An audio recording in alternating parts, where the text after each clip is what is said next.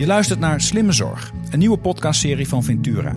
Speciaal voor beslissers, medewerkers en betrokkenen in de zorg. Mijn naam is Arno Rutte. In deze podcast spreek ik bestuurders, specialisten en patiënten over de uitdagingen in de zorg.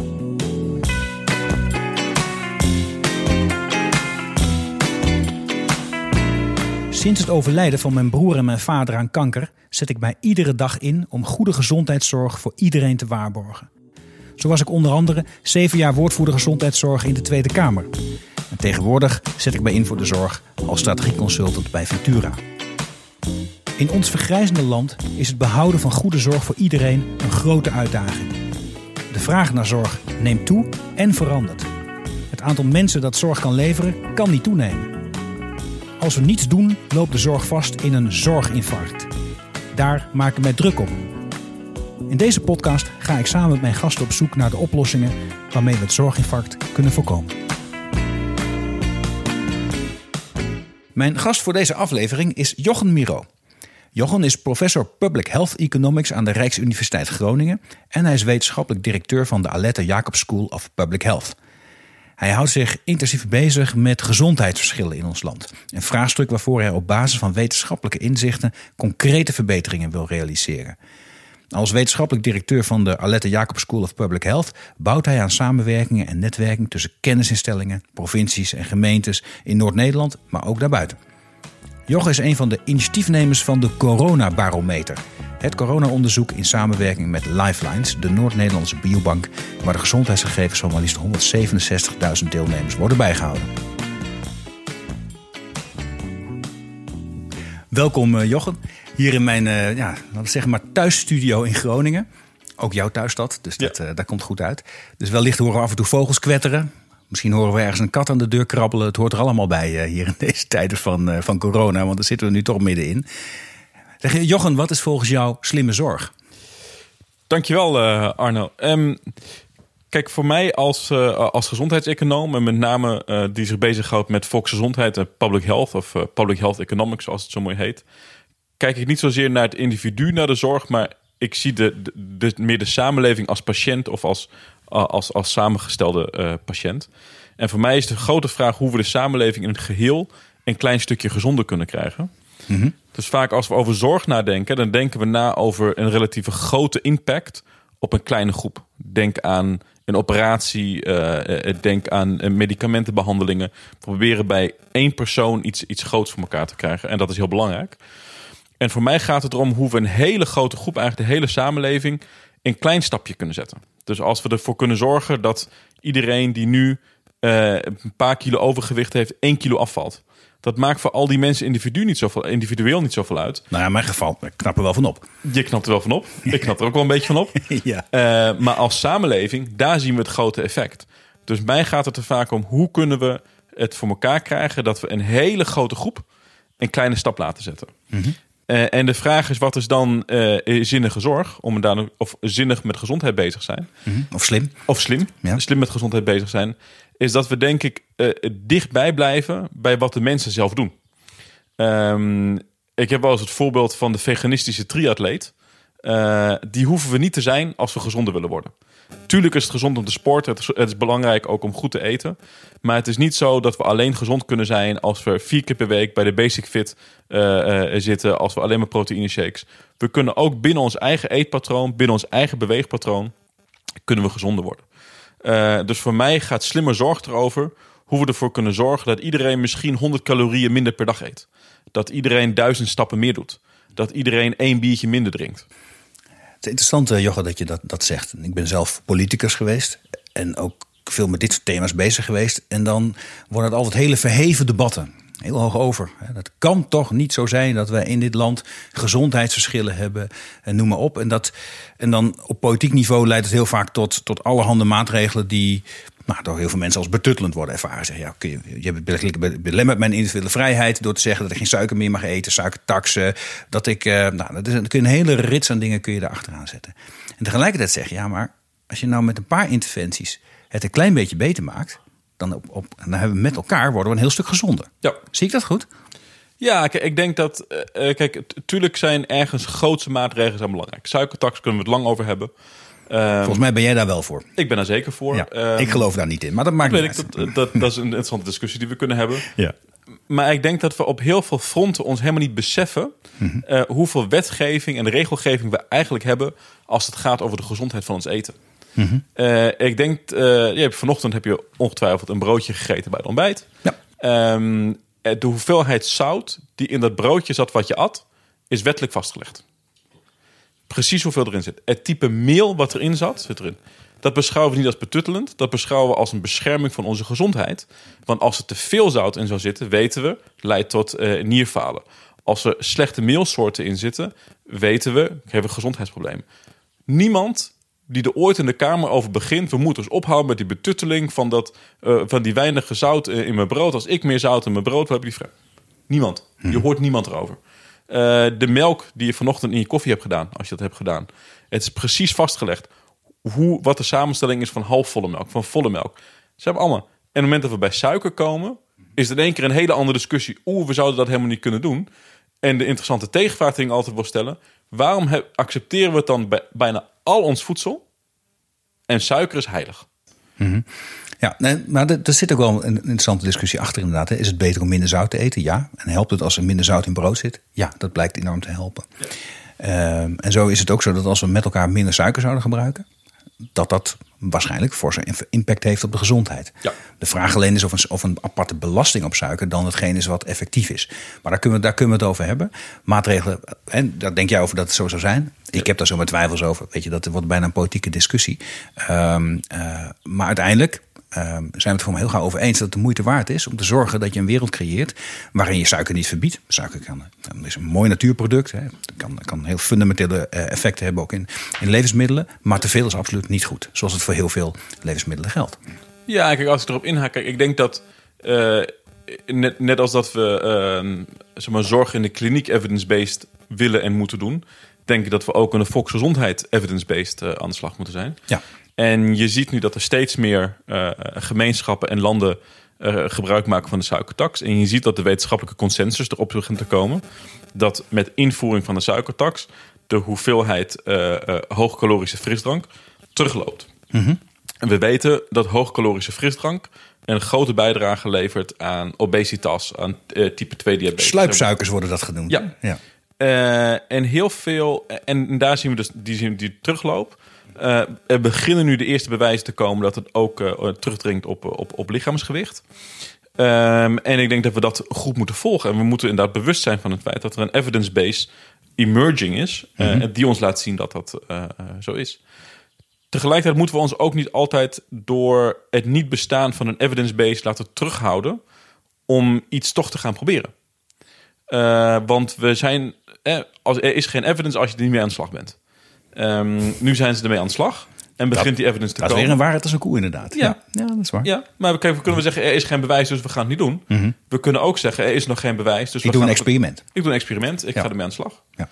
En wat je dan echt ziet met die, met, met die experimenten, is daar krijg je weer het verschil tussen zorg en volksgezondheid. Wordt heel duidelijk op het moment dat we na gaan denken over de manier waarop we evidence creëren. Eh, en, en dat is iets waarvan ik denk dat we heel vaak vertalen we snel vanuit de zorg van hey, we doen een pilot, een kleine schaal, één ziekenhuis, twee ziekenhuizen. Daar komt iets uit, daar krijg je een hypothese uit. hey, dat gaan we nu multicenter doen. We gaan oprollen en, en, en we schalen het rustig aan op. Met de gedachte dat we dan de juiste interventies vinden. Het is ook een gecontroleerde omgeving, hè, de Ja. zorg uiteindelijk. Ja. Voor zorg dat klopt dat helemaal. Ja. Maar nu moet je even andersom gaan nadenken.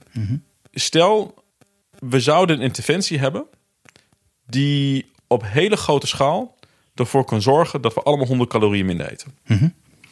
100 calorieën op eh 2500 calorieën per dag is verwaarloosbaar. Ja, ja daar, daar krijgt niemand honger van. Dat kan nee. En het is ook niet iets waarvan je zegt van... hey, al die interventies die dat mogelijk maken... zijn per se interventies die ik had kunnen opschalen... vanaf een pilot waar ik was begonnen met 10 mensen. Maar als ik 10 mensen pak en ik ga kijken of die 100 calorieën minder per dag... wat het gevolg... Het is, zo, het is bijna een verwaarloosbaar verschil. Dus we weten dat als we naar kleine verschillen kijken... hebben we hele grote groepen nodig om dat, om dat te meten. Dus het is echt niet zo dat elke interventie... die op populatieschaal zou kunnen werken... vanuit een pilot zou kunnen ontstaan.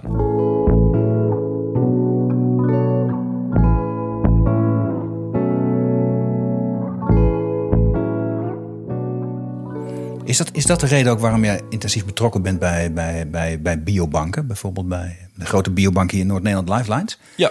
Om Ja. zeg maar die, dat volume wel te kunnen hebben. Ja. Om te kunnen zien wat wel gebeurt. Ja, ik denk, kijk, ik denk als we echt naar volksgezondheid kijken, merken we nu gewoon de overgang naar zeg maar, data-driven, of ik noem het liever data-enabled eh, eh, policy. Eh, waarbij gewoon de, de, de massa en de hoeveelheid data belangrijk is. Eh, Lifelines is daar een mooi voorbeeld van. 167.000 mensen, 10% van de Noord-Nederlandse bevolking. En wat gebeurt er precies in Lifelines? Nou, en Lifelines is dus nou, ja, een jaar of 10, 15 geleden begonnen eh, als, als grote populatiestudie waarbij je om de zoveel jaar volledige lichaamsmetingen afneemt. Dus niet alleen maar vragenlijsten naar eh, psychosociale, sociale en mentale gezondheid en fysieke gezondheid. Maar ook eh, eh, biomarkers. Dus er wordt bloed afgenomen, haar afgenomen. Mensen hebben sprongtesten gedaan, longtesten. Alles op en eraan. Dat je echt een heel goed beeld krijgt van die gezondheid. Ja, en voordat alle luisteraars denken dat is heel eng. In dit gezin, de familie Rutte doet al jaren mee. Dat is eigenlijk hartstikke leuk. Ik doe zelf ook mee. Ja, je neemt een paar buisjes bloed af, je doet wat vragenlijsten. En het is eigenlijk heel interessant om Ja. onderdeel te zijn van een... Ja, moet je, het is geen experiment. Hè? Je bent Nee. onderdeel van het vormen van de gezondheid van, een hele, van, ja, van Noord-Nederland. Zo zou je het kunnen zien. Ja, en daarmee ook van, van heel Nederland en heel de wereld. Kijk, Ja. uiteindelijk verschillen we allemaal genetisch niet zoveel van elkaar. Eh, en in Nederland en Europa ook eh, cultureel niet. Dus we kunnen heel veel inzichten hier genereren. Maar we kunnen dus juist ook, ook op zoek gaan naar die kleinere verschillen. eh, die we uit een pilot niet gaan halen. En ik denk als we echt naar preventie toe willen gaan, echt naar volksgezondheidsbeleid, dan moeten we veel meer gebruik maken van, eh, van gegevens en van beleid op hele grote schaal. Om die, om die kleine effecten op te halen. Ja. Dus het zijn dingen als lifelines, maar eh, als we in Nederland kijken, we weten dat er bijna al onze gezondheidsgegevens worden, worden, worden bewaard. Eh, ehm, we weten onze zorgkostengegevens, onze medicijngebruik. Ehm, Ja, het ligt allemaal ergens vast. arbeidsart- ligt allemaal ergens vast. En de schande is, we doen er niks mee. En we hebben het allemaal. We verzamelen allemaal. En artsen klagen terecht of onterecht over regeldruk. Maar wat het onterecht maakt, is dat we, of terecht maakt, is dat we zoveel van die gegevens verzamelen, maar er niks mee doen. Nee, er zit allemaal, eh, allemaal eh, AVG-achtige en privacy-achtige Ja. wetgeving overheen... die dat eh, ja, ja, niet onmogelijk maakt, maar wel buitengewoon ingewikkeld. Ja, die ontzettend belemmerd. En je ziet ook dat in Nederland de interpretatie van de AVG ten opzichte van onze omringende landen ehm, vrij stringent is. Eh, en dat, dat, dat weinig zeg maar, de grens van de AVG wordt opgezocht. Ja, want het is een Europese richtlijn. Hè? Het is een vertaling van een Europese richtlijn over privacybescherming. Ja, dus eh, je ziet dat andere landen gaan er anders mee om. Die tegelijkertijd de privacy van hun burgers net zo beschermen als in Nederland. Maar eh, die die schat van data die we hebben... gebruiken om hun bevolking gezonder te maken. En dat moeten we in Nederland ook heel actief doen. Ja. Ik denk dat we nu hele mooie projecten aan het doen zijn... samen met het Centraal Bureau voor de Statistiek. Waar we ook aan het kijken zijn hoe we die gegevens beter kunnen gebruiken... om volksgezondheidsbeleid beter te maken. Ja. Eh, en daar ook samen op te trekken. Dat moet uiteindelijk. Eh, maar ik vind het wel iets... eh, ook wel voor de volgende regeerperiode weer... dat we na gaan denken hoe we die ontzettende schat van data die er in Nederland is... Ja. dat we die dienstbaar maken aan de maatschappij. Dat we het niet zien als iets wat we gebruiken als afrekeningmechanisme of wat dan ook. Maar het is data is uiteindelijk het, zeg maar, het, het goud wat je hebt om je maatschappij beter te maken. En dan, dan ben je niet geïnteresseerd in de individuele data. Nee. Juist geaggregeerd op een macroniveau. Ja. Dat jij als wetenschapper op geen enkele manier meer kunt achterhalen wiens gegevens dat zijn. Nee. Maar je wil wel heel graag weten, de groep patiënten met, zo, met gewicht X ontwikkelt die diabetes, ontwikkelt die andere dingen. Ja. En eh, als ik een interventie doe, wat is daarvan het effect? Ja, Zodat we met elkaar, zoals je net zei, de patiënt Nederland juist. of de, de mens Nederland Juist. elk jaar een klein beetje gezonder wordt. Ja, Interessant. ja. En kijk, en die gezondheid, die vertaling is er wel. Voor ons als individu is het belangrijk om gezond te zijn, want we worden daardoor gelukkig. Eh, we hebben ook minder arbeidsuitval. We, hebben, we kunnen onze pensioengerechte leeftijd halen. Eh, en dat geldt voor ons als samenleving ook. Ehm, kijk, nu natuurlijk, er komt nu een grote economische crisis aan. Ongetwijfeld, eh, vanwege corona. Ehm, Dat is ook heel slecht voor gezondheid. Hè? Ja. We weten dat, dat werkloosheid een van de grootste bepalers is van de mate waar- voor, Ja. de vraag of iemand zich gezond, gezond is, maar ook gezond voelt. Ja. Eh, dus we hebben veel onderzoek naar gedaan en we weten dat het ook het effect de hele levensloop gaat. We weten dat iemand die in de recessie geboren is, hebben grotere kans op ondergewicht bij geboorte, grotere kans op hart- en vaatziekten. De hele reutemeteut. Zo, dat is niet gering. Nee. Ehm, dat weten we nu, kunnen we ook gebruiken in het beleid. Ehm, we zullen de werkloosheid op zien lopen. Ehm, maar wat we gaan zien over een aantal jaar, als de crisis weer een beetje achter ons is, is dat we weer naar de eh, pre-corona eh, problemen komen. Tekorten in de zorg. Oplopende wachtlijsten. Eh, te weinig zorgpersoneel. Andere sectoren. te weinig programmeurs. Te weinig bouwvakkers. Ja, als hele maatschappij vergrijst. Alle, Ja. alle mensen raken op. Juist. En, die, en, en, en in de zorg dreigt een enorm zorginfarct. Juist. En in het moment dat we als samenleving gezonder zijn, kunnen we dat veel, zijn we veel vatbaar, veel weerbaarder om die klap op te vangen.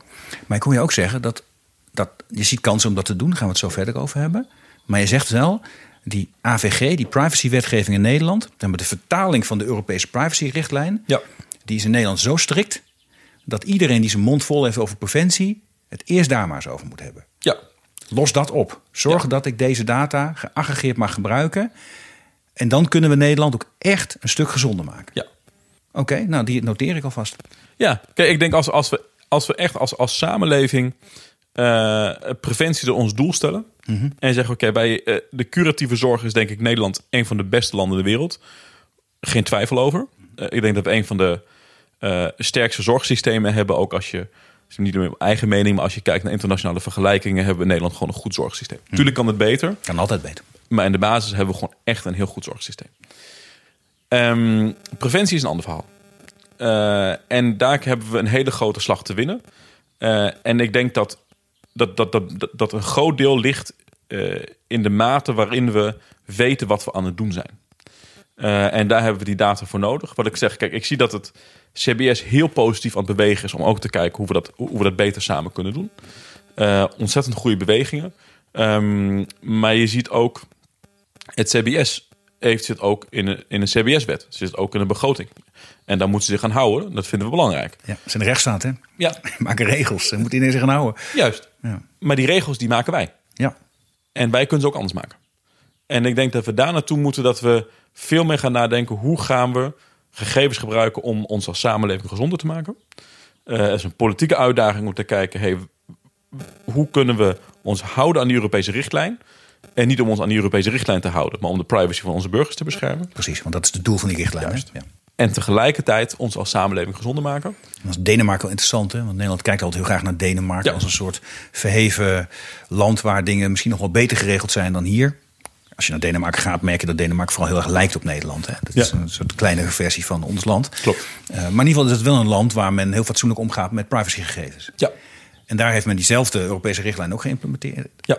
En daar kun je dus wel degelijk deze gezondheidsgegevens gebruiken. Ja. Dus dat zou, eigenlijk zou je daar een voorbeeld aan kunnen nemen. Ja. Als je dat, oké. Oké. Nou, ik vind het... Ik en vind dat zijn ook projecten die we aan het doen zijn. Hè? We werken ook samen met de Deense CBS. Ja.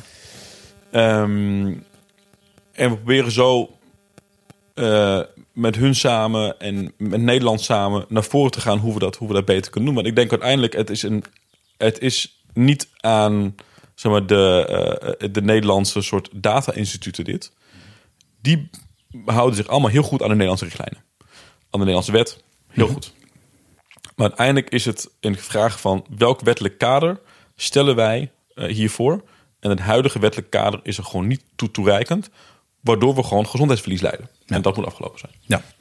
En dat gezondheidsverlies vertaalt zich uiteindelijk ook weer in de zorginfarct, et cetera. Ja. En daar moeten we wat aan doen. Maar ook volgens mij, en dat is nog los van dat je dat eh, vanuit een wetenschappelijk eh, inzicht eh, eh, wil kunnen doen, omdat je het ook belangrijk vindt om, met- om dat te kunnen doen, zit je volgens mij ook met het punt dat je, als jij, als jij ge- gegevens uit Denemarken gebruikt, Ja. is het toch best lastig om daarmee sociaal-economische gezondheidsverschillen te verkleinen in Oost-Groningen.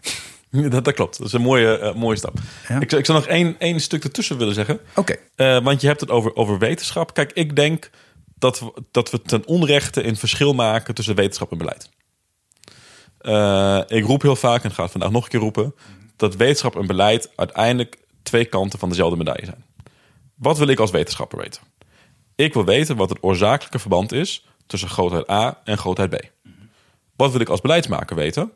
Ik wil weten aan welke knop ik moet eh, eh, eh, draaien om effect B te sorteren. Precies dezelfde vraag. Alleen net anders geformuleerd. Maar als beleidsmaker wil ik weten met welk beleid maak ik die mensen naast mij gezonder. Ik als wetenschapper wil weten, wat het impact van het beleid geweest of van de risicofactor geweest om iemand anders gezonder te maken? Het is dezelfde vraag. En dan zeggen we, ja, maar jullie wetenschappers willen dit weten. Nee, nee, nee. De beleidsmaker die evidence-based wil werken, die wil dit weten. Ja. En als samenleving hebben wij het recht op evidence-based beleid. Sterker nog, wettelijk verankerd in Nederland dat beleid wetenschappelijk onderbouwd en geëvalueerd moet worden. Dus het is precies hetzelfde belang. Nee, het belang is hetzelfde. Ik vind het interessant. Een beleidsmaker heeft wel weer soms andere dingen ook mee te wegen. Nou, bijvoorbeeld, wat vinden mensen ervan? Wat niet een wetenschappelijke vraag is, maar uh, misschien meer een electorale vraag. Maar toch, dan helpt het wel degelijk ook als je kunt bewijzen in ieder geval. Van, misschien vind je het niet leuk, maar het werkt wel. Ja. En ja, dan kun je een afweging maken met elkaar. Nee, maar ik denk als, als beleidsmaker en met name als politicus vervolgens... denk dat de uitspraak altijd wel mooi is... Ja, je hebt recht op je eigen mening, maar je hebt niet recht op je eigen feiten. Nou. Uh, en die feiten, ja, dat is uiteindelijk... heeft de beleidsmaker en de wetenschapper wil diezelfde feiten weten. Mm -hmm. En we zien het dan gauw als twee aparte dingen. Die wetenschappers zijn bezig. We zijn samen bezig.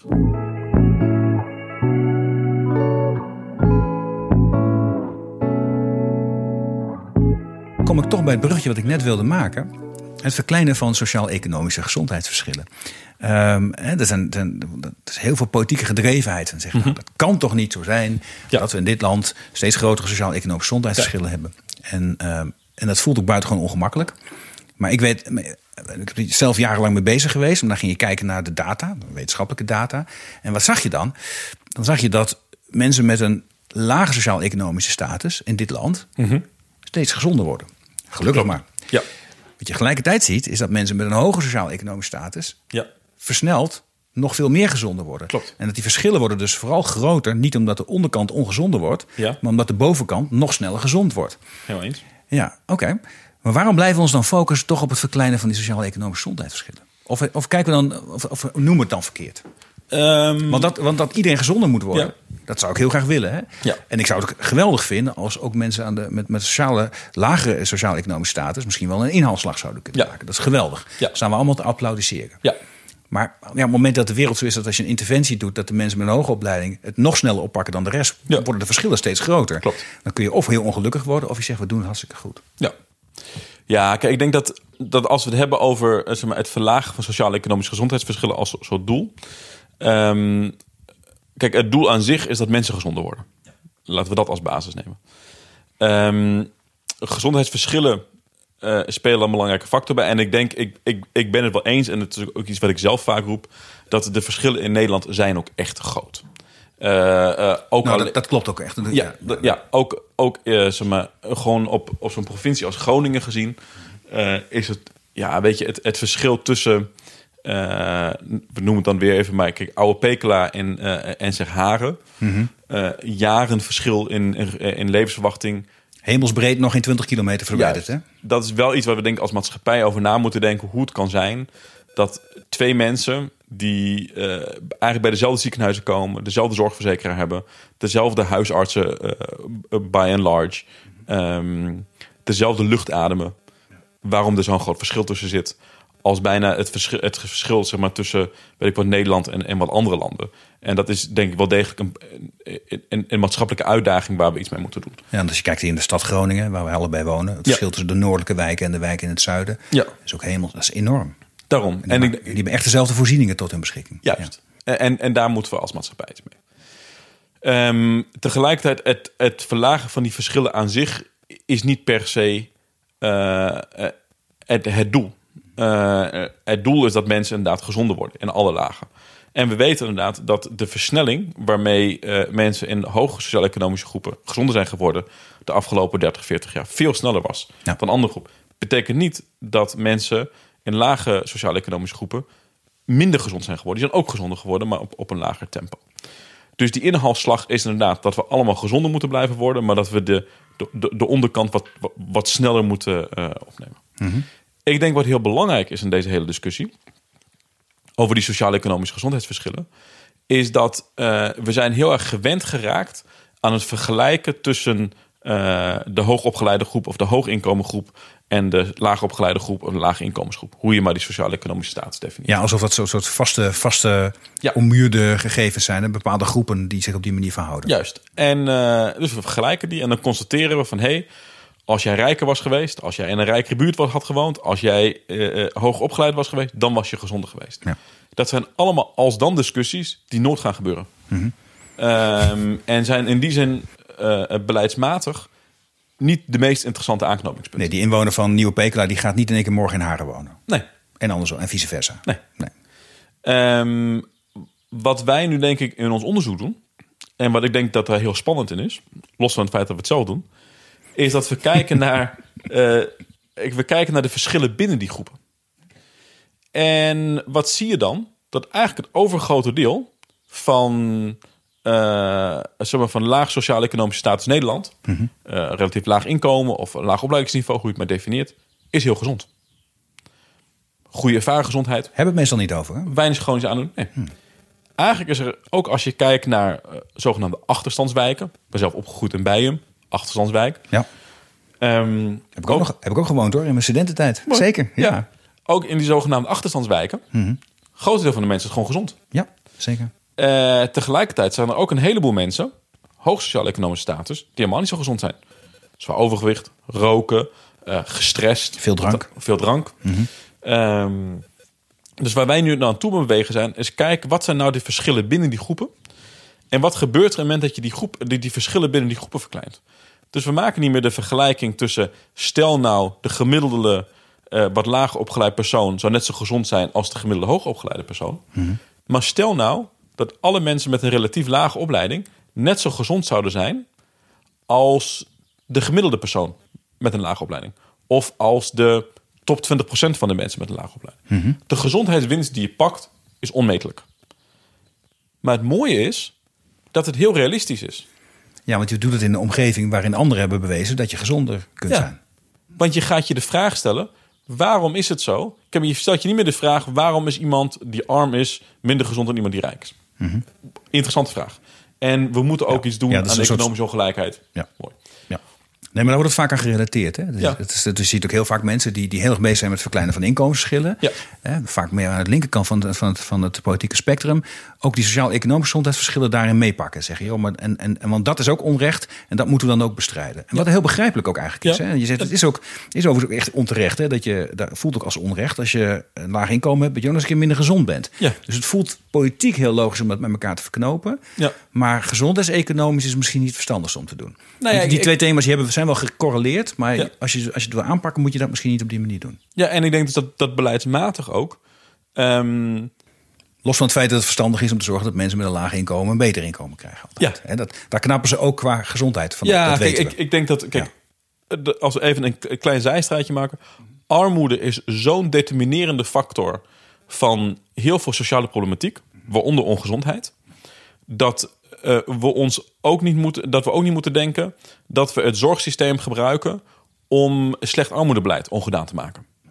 Ehm, dus in de basis zie je dat armoede leidt tot heel veel maar slecht welbevinden, ongezondheid. Eh, we weten dat kinderen die in armoede opgroeien slechter doen op school. Nou, er zijn een hele reeks dingen die we kunnen correleren aan, aan armoede en waar armoede ook wel een oorzakelijke impact op heeft.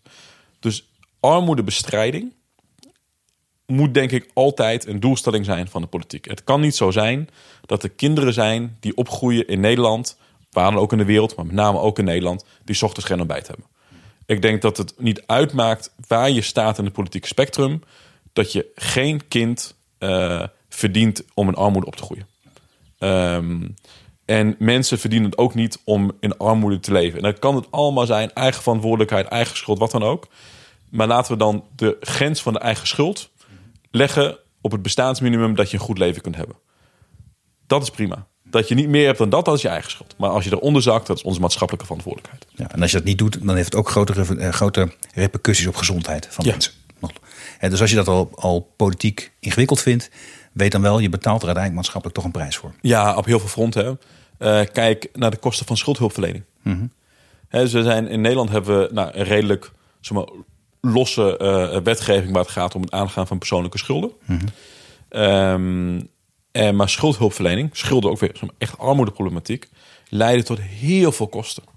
Hè, je- het is, in Nederland is het mogelijk dat die laptop die jij hier mooi hebt, die koop je op afbetaling en die kan exploderen in een gigantische schuld eh, met incassobureaus en weet ik het allemaal. Niemand wordt daar gelukkig van. En En ik kan me echt niet vertellen dat het bedrijf wat die computer heeft verkocht op afbetaling, er nou echt betere winst om maakt, omdat nu iemand een laptop heeft gekocht, 800, 900 euro, en vervolgens zo diep in de ellende gekomen is dat hij zijn huis uitgezet moet worden omdat hij niks meer kan betalen. Het is gewoon niet waar. Ehm, dus daar moeten we als samenleving, dat hoeven we niet te accepteren, moeten we ook niet doen. Maar als we even weer teruggaan naar waar we het over hadden. Ja. Die relatie tussen gezondheid en, eh, en je sociaal-economische positie. Ik vind het ongelooflijk spannend om te weten waarom er mensen zijn of gebieden zijn eh, waarvan je op papier zou zeggen van hé, hey, relatief lage opleiding, laag inkomen, woont in een zogenaamde achterstandsbuurt. Nou, toch wel problematiek meegemaakt in het leven. Maar hé, hey, die is hartstikke gezond. Ja. Wat is met diegene aan de hand? En wat is er eigenlijk met die buurt daar aan de hand? Waar uh, al die huizen uh, relatief goedkoop zijn. Toch niet echt veel sociale voorzieningen. Uh, school is wel goed, maar niet top. En al die mensen zijn gezond. Dat is een veel interessantere buurt om naar te kijken. Dan dat we die buurt pakken en vergelijken met een andere buurt. Ja. En ik denk dat we daar de overgang maken van het denken in het verschil naar het denken in het potentieel. En dat was het rapport van de. Uh, ja, van de Wetenschappelijke Raad voor het Regeringsbeleid in 2018. Die zei: hou maar op met die sociaal-economische gezondheidsverschillen. Proberen te verkleinen. Kijk ja. naar het gezondheidspotentieel. Juist. En ik had gedacht, dat vind jij, vind, jij, vind jij jammer, want dat is iets geweldig. wat je. Dat vind je geweldig. Ja. Vertel. Ja. Ik denk dat onze interpretatie, te kijken naar het verschil binnen die groepen. Mm -hmm. Dat is in mijn ogen, ik weet niet of de WR daarmee eens is. Uh, in mijn ogen is dat de vertaling van het gezondheidspotentieel. Het potentieel, op een gegeven moment prik je een aantal dingen vast. Dan zeg je ook, armoedebestrijding is heel belangrijk, mm -hmm. maar gaan we misschien op de korte termijn niet kunnen realiseren. Mm -hmm. Wat is dan het potentieel wat mensen hebben die in die sociaal-economische groep zitten? Mhm. Om gezonder te worden. Om gezonder te worden. En dat potentieel is volgens mij de spreiding van die gezondheidsuitkomsten binnen die groep. Dus er zijn gewoon, kijk, je kunt niet het alle gezond zijn van iedereen in je groep. Maar je pakt even iemand die op de helft zit. Of op drie kwart of zo. En je zegt, oké, okay, dat is iets wat we realistisch kunnen bereiken. Want er zijn mensen, een groot aantal mensen, in die groep die zo gezond is. Dat is het potentieel wat we kunnen bereiken. Zonder dat we allemaal capriolen uit moeten halen. Dus daar gaan we ons nu op richten. En ik denk als we... Dan, en dat was denk ik ook het mooie in dat WER-rapport. Dat ze zeiden, we gaan, niet we gaan niet die verschil erin, we gaan gewoon gezondheidsbevordering doen. Uh, maar we gaan het universeel doen, maar wel proportioneel. Proportional universalism. Dus we gaan iedereen zijn gezondheid proberen aan te stippen. Maar die mensen die het het meest kunnen hebben, die het meest nodig hebben, die een beetje meer. Ja, die geef je meer aandacht. Die geeft meer aandacht. Ja, precies. Dus het is belangrijk dat we allemaal gezonder worden. Uh, maar de groepen in de meest kwetsbare groepen, waar in principe het meeste potentieel zit, die trekken we mee. Hey, en dat is op groepsniveau, hè? Ja. Maar wat zouden mensen nou individueel aan slimme zorg kunnen doen? Voor mij gaat het dan inderdaad om, om, het, om het voorkomen van zorg. Dat is natuurlijk slimme zorg. Ja. En ik denk dat je... Ja, preventie is slimme zorg. Ja. Laten we het daar gauw over eens zijn. Ja. ja. Um, ik denk dat mensen op zoek kunnen gaan naar wat ze... Uh, naar veranderingen in hun dagelijkse patroon... Mm -hmm. die dicht bij hun normale beleveniswereld staat. Um, we weten dat uiteindelijk hele extreme veranderingen zijn heel moeilijk om heel lang vol te houden. Daar heb je heel veel wilskracht voor nodig en zo. Ja. ja. En, um, en vaak moet je hele sociale omgeving heel veel dingen moeten veranderen. Ja. Maar kijk gewoon, oké, okay, waar kan ik die 100 calorieën minder? Die duizend stappen meer. Dat ene biertje minder. Uh, half uurtje eerder op bed. Uh, half uur minder tv per dag. He, dingen die je zou het verschil niet merken als persoon. Maar die maakt voor jou maakt het al wat uit. En voor ons als samenleving helemaal.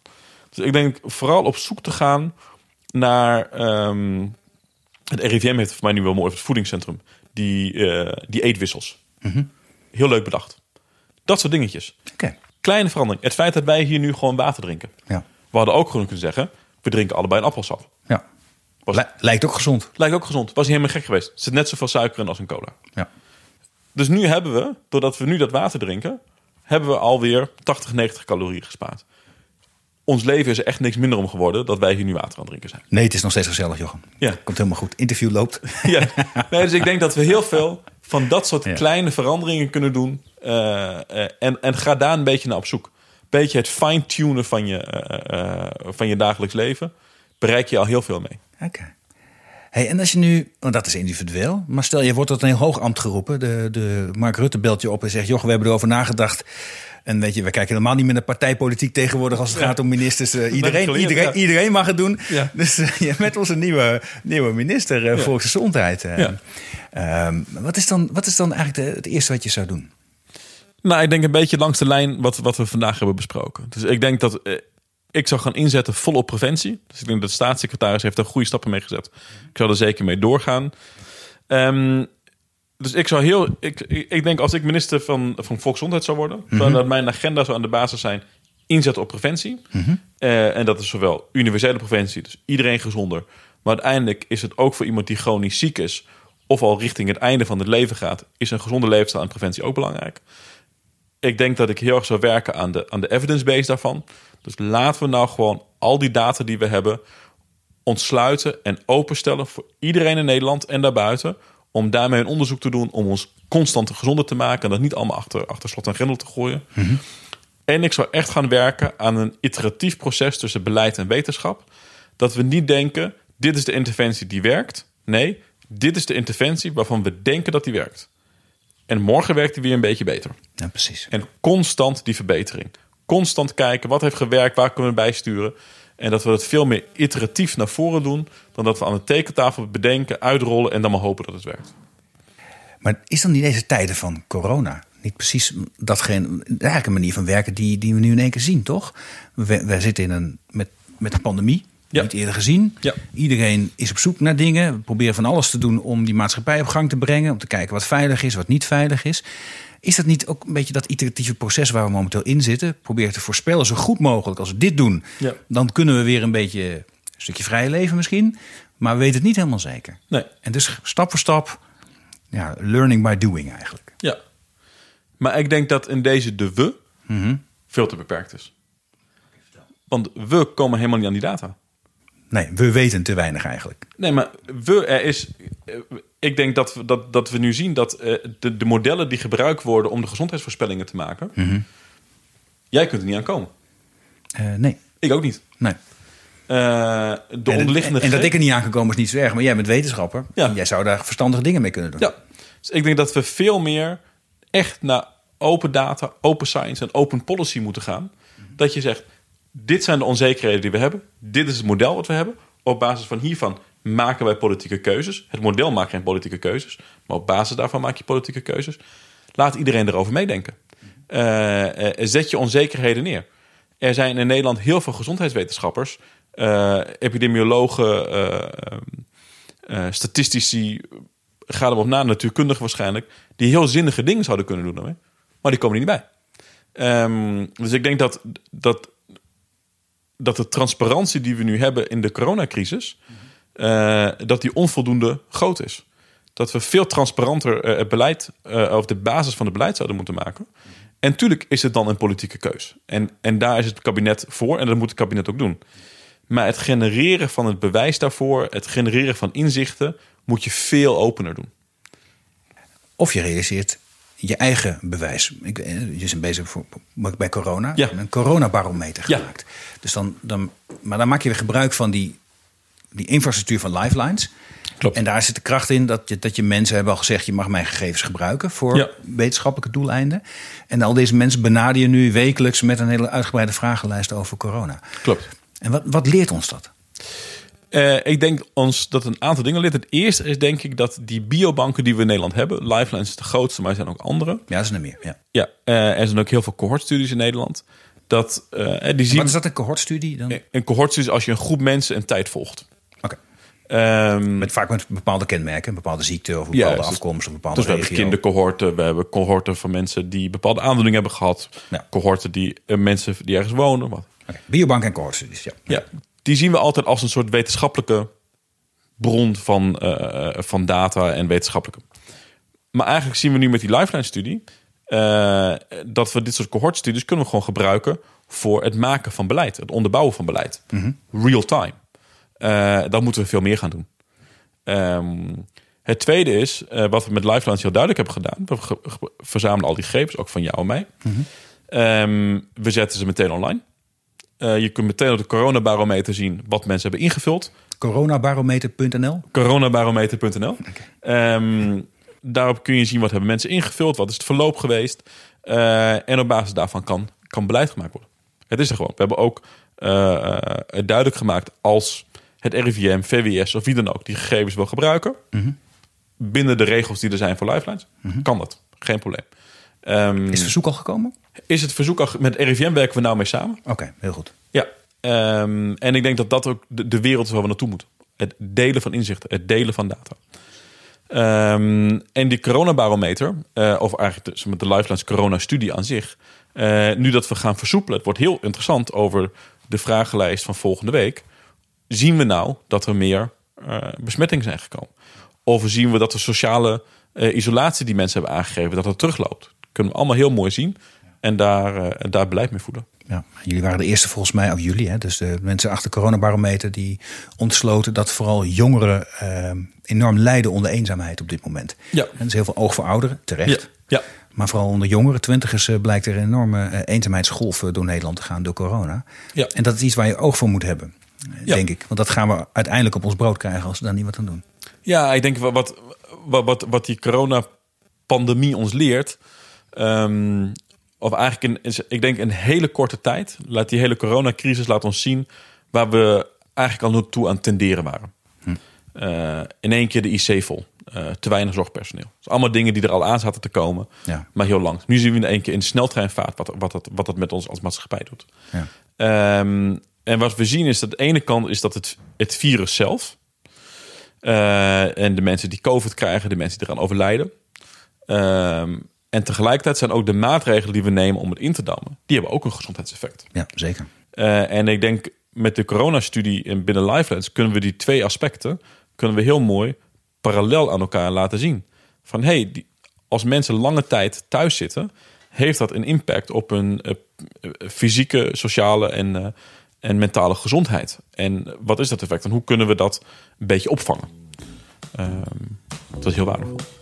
Dus uiteindelijk komt het elke keer weer terug op data verzamelen, inzichten krijgen. En daarmee iedereen elke dag, het, ons als maatschappij, de patiënt Nederland of de Ja. mens Nederland, iedere dag een klein beetje gezonder maken. Klopt. Jochem, dankjewel. Dit was aflevering 5 van Slimme Zorg. De podcast waarin nagedacht wordt over oplossingen waarmee een zorginfarct voorkomen kan worden. Een nieuwe podcastserie van Ventura. Abonneer je vooral op deze show via iTunes en Spotify of jouw favoriete podcast-app. En voel je vrij om een review achter te laten. Je helpt de podcast daar enorm mee en ik vind het zelf ook heel erg leuk om te lezen. Je mag mij ook mailen op podcast.ventura.com. Mijn naam is Arno Rutte. Dit was Slimme Zorg. Je hoort mij over twee weken weer in een nieuwe aflevering.